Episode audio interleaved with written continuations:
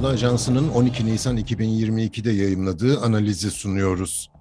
Fransa seçimleri ne diyor? Yazan Doktor Yaşar Demir.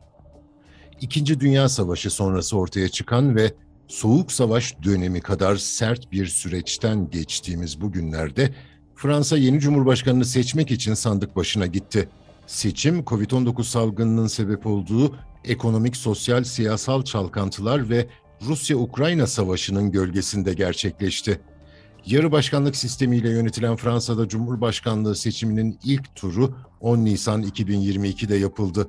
12 adayın yarıştığı seçimlerde yürütülen kampanyalar ciddi bir kamplaşmayı da beraberinde getirdi. Halbuki salgın sürecinin yıpratıcı etkisinin yoğun olarak hissedildiği, Mali'deki operasyonların neden olduğu hayal kırıklığı, yükselen enflasyonun getirdiği huzursuzluk ve Ukrayna krizinin belirsizliğinin de yükseldiği şu günlerde toplumun kaosa sebebiyet verici söylemlerle meşgul edilmemesi beklenirken Fransa kamuoyu aksi durumlara şahit oldu. Anketlere göre mevcut Cumhurbaşkanı Emmanuel Macron ve aşırı sağcı Ulusal Cephe Partisi lideri Marine Le Pen adaylar arasında öne çıkıyordu. Ancak bu kez geçmiş seçimlerin aksine farklı bir tablo ortaya çıktı. Fransa siyaseti adeta üçe ayrılmış durumda. Bunlardan ilki göçmen karşıtlığı ve İslam düşmanlığını merkeze alarak siyaset yapan grup. Esasında bu karşıtlığın Afrika kökenlilere ve Müslümanlara yönelik olduğu, Rusya-Ukrayna krizi akabinde Ukraynalı göçmenlere yönelik gösterilen hüsnü kabul neticesinde anlaşılmış oldu. Bu siyasetin temsilcileri olarak da Marine Le Pen ve Eric Zemmour öne çıkıyor. İkinci grupsa Covid-19 ve Rusya-Ukrayna geriliminin meydana getirdiği tedirginlikle belirsizliğin girdabında sürüklenmek istemeyenlerden ve mevcut düzenin devam etmesini tercih edenlerden oluşuyor. Bu akımın temsilcisi ise mevcut Cumhurbaşkanı Emmanuel Macron. Elbette böyle durumlarda liderlerin toplumun gösterdiği kendini koruma refleksini ve güven arayışını değerlendirmesi doğaldır. Nitekim seçim kampanyasında ülkesini ve Avrupa'yı mevcut krizden çıkaracağını, dünyadaki sorunları artırma yerine çözüm bulma yönünde irade ortaya koyacağını ilan eden Macron, seçim yarışında söylem üstünlüğünü de ele geçirdi. Buna mukabil yakın rakiplerinden sağcı adaylar da mevcut krizlere karşı bir çözüm önerisi sunamadı. Üçüncüsü ise her iki anlayışa da karşı çıkan solcu aday Jean-Luc Mélenchon'un öne çıktığı grup. Fransız solunun bölünmüşlüğünden istifade ederek bir taraftan sosyal politikalara destek vereceğinden bahseden Mélenchon, diğer taraftan daha liberal bir ekonomik modeli destekleyeceğini belirterek etkili olmaya çalıştı. Genelde bu tip sol eğilimli söylemleri benimseyen adaylar mevcut sorunlara karşı pek de somut çözüm önerileri sunamadı. Yalnızca aşırı sağın nedenle tehlikeli olabileceğine dikkat çekerek kitleleri mobilize etme stratejisini benimsediler. Ülkede seçimlere katılım oranı yüzde 65 olarak gerçekleşti. Burada Fransa'da bir önceki seçimlere kıyasla katılım oranının 4 puan düştüğünü belirtmek gerekir. Anketlerde de öngörüldüğü üzere Başkan Macron %27,6 ile ilk turu önde bitirdi. Yakın rakibi Marine Le Pen ise %23,2 ile ikinci tur seçime katılmaya hak kazandı. Seçim sonucu bir bakıma Fransa halkının son yıllarda yaşanan krizi nasıl gördüğü hususunda ipucu veriyor. Fransızlar konjonktürün getirdiği sıkıntılar sonucunda aşırı söylemlerin pek fazla karşılık bulmadığı, daha akılcı, soğukkanlı bir dış politikanın uygulanması gerektiği yönünde irade beyan etmiş oldu.